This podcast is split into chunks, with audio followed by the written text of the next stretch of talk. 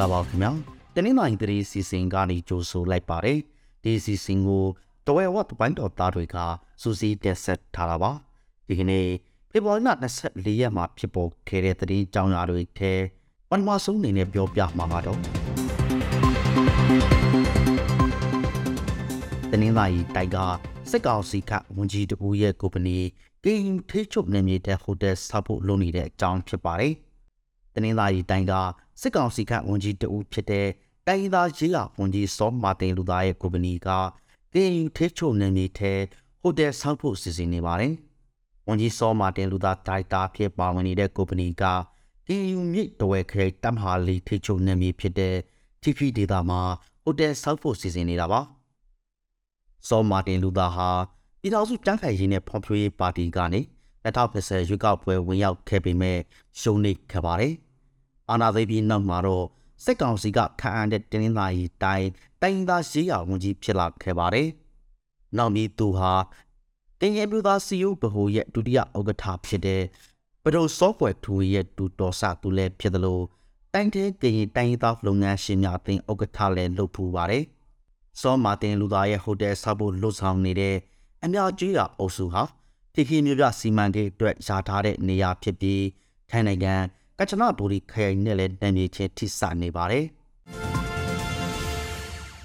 KU ဘုတ်ကွန်မတီဝင်အားလုံးနှုတ်ထွက်ပေးဖို့ကဘာတော်ကကရင်တွေတောင်းဆိုတဲ့အကြောင်းပြောပြပါမယ်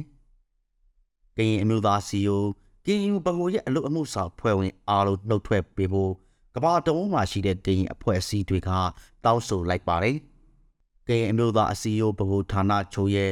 ထွေထွေအတွင်းရေးမှုချုပ်စီကရင်အဖွဲ့အစည်း68ခုကနေပြီး ဖေဖော်ဝါရီလ24ရက်ရက်စွဲနဲ့အိတ်ဖွင့်ပေးစာပေးဖို့တောင်းဆိုလိုက်တာဖြစ်ပါတယ်။အိတ်ဖွင့်ပေးစာပေးတောင်းဆိုတာကကရင်အမျိုးသားစီယိုကရင်ယူကိုတိုက်ခိုက်တာမဟုတ်ပဲတော်လှန်ရေးနဲ့နိုင်ငံရေးကိုဥဆောင်မဲ့ခေါင်းဆောင်တွေကိုဝင်လင်းမြပါမှုတာဝန်ရှိမှု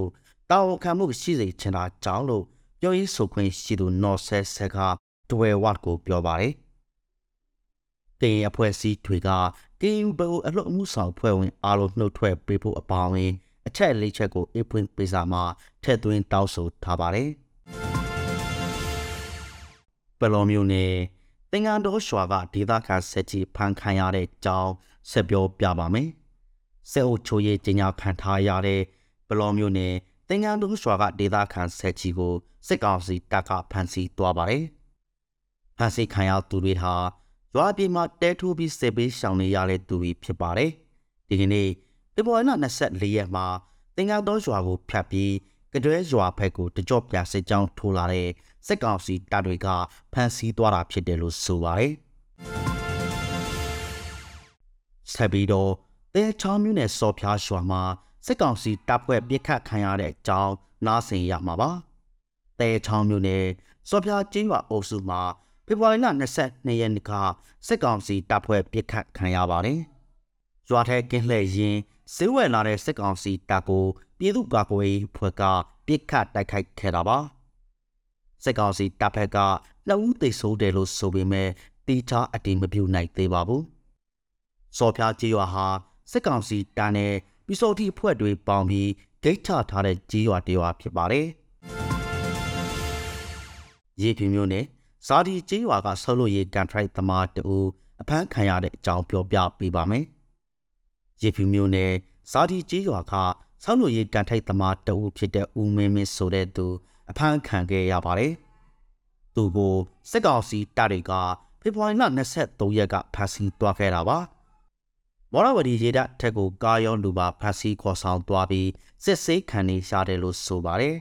။ဒီရဲ့ပိုက်တဲ့ဇာဒီကြီးရွာကိုစစ်ကောင်စီတပ်တွေမကြာခဏလာရောက်ပြီးဒေသခံတွေကိုဖမ်းဆီးစစ်ဆေးတာတွေလှုပ်ဆောင်နေတယ်လို့ဆိုပါတယ်။ ဆက်ပြီးပြောပြမှာကတော့တဝဲမျိုးနယ်ကဈေးတယ်လင်မယားပြစ်ခတ်ခံရတဲ့ကြောင်းပါတဝဲမျိုးနယ်မိခန်ဒီရွာကိုဈေးအောင်သွားတဲ့ဦးတန်းစော်ဦးတို့လင်မယားနှစ်ဦးဖေဖော်ဝါရီလ21ရက်ကပြစ်ခတ်ခံခဲ့ရပါတယ်သူတို့လင်မယားဟာမမရှောင်းရွာမှာနေထိုင်တဲ့သူဖြစ်ပါတယ်မိခန်ဒီရွာမှာဝါရောက်ပြီးပြန်တေကတိုးရွာနဲ့ထန်တလုံးရွာကြားပြစ်ခတ်ခံလိုက်ရတာပါပြစ်ခတ်မှုကြောင့်ဦးသားစော်ဦးရဲ့လက်မောက်တန်ရာရရှိသွားပြီး တဝက်ဆေးကိုတင်ထားရပါတယ်ဘယ်သူတွေကပြစ်တက်သွားတယ်ဆိုတာကိုတော့မသိရသေးပါဘူးမြိတ်ရောဘာချန်တဲ့တက်ခံရတဲ့အမျိုးသမီးအလောင်းနောက်ဆက်တွဲအခြေအနေကိုပြောပြပေးမှာဖြစ်ပါတယ်မြေမျိုးရွှေတူကျေးရွာအနီးတန်းရာတွင်နဲ့တိတ်ဆုံနေတဲ့အမျိုးသမီးအမှုနောက်ဆက်တွဲအဖြစ်တန်တရားရှိသူအမျိုးသားတအူးကိုရက်တန့်ဖွဲ့ကဖမ်းဆီးသွားပါတယ်အဖမ်းခံရတဲ့သူကတော့ တိတ်ဆိုးသူအမျိုးသမီးရဲ့ခင်ပေါ်ဟောင်းဖက်ကတူတော်စားသူတအူးဖြစ်ပါတယ်အသက်39နှစ်အရွယ်ရှိတန်တရားတရခန်ကိုဖေဖော်ဝါရီလ23ရက်မှာရက်တဖွဲ့ကဖမ်းဆီးသွားတယ်လို့ဆိုပါတယ်။အတက်ခံရတယ်လို့ယူဆရတဲ့အမျိုးသမီးရဲ့အလောင်းကိုတော့ဖေဖော်ဝါရီလ22ရက်ကဥခေါင်းတန်ရာတွေနဲ့ရောဘာတောတစ်ခုတည်းတွေ့ရှိခဲ့တာပါ။ဆက်ပြီးမော်ဘီနယ်ကြိုက်ထိုမျိုးကမူလာတန်းကျောင်းဦးဆရာမတူ တပ်ဖြတ်ခံရတဲ့အကြောင်းပြောပြပါမယ်။မော်ဘီနယ်ကြိုက်ထိုမျိုးတကေး6ဖြားကြီးရွာက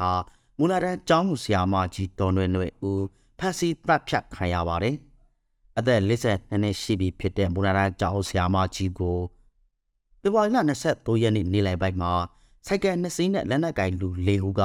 လာရောက်ဖမ်းဆီးသွားတာပါ။အဲဒီနောက်မှာတော့ရွာပြည်ဖက်ကားလမ်းဘေးတနေရာမှာတနက်နဲ့ပြစ်တက်ပြီးထားခဲ့တယ်လို့ဆိုပါတယ်။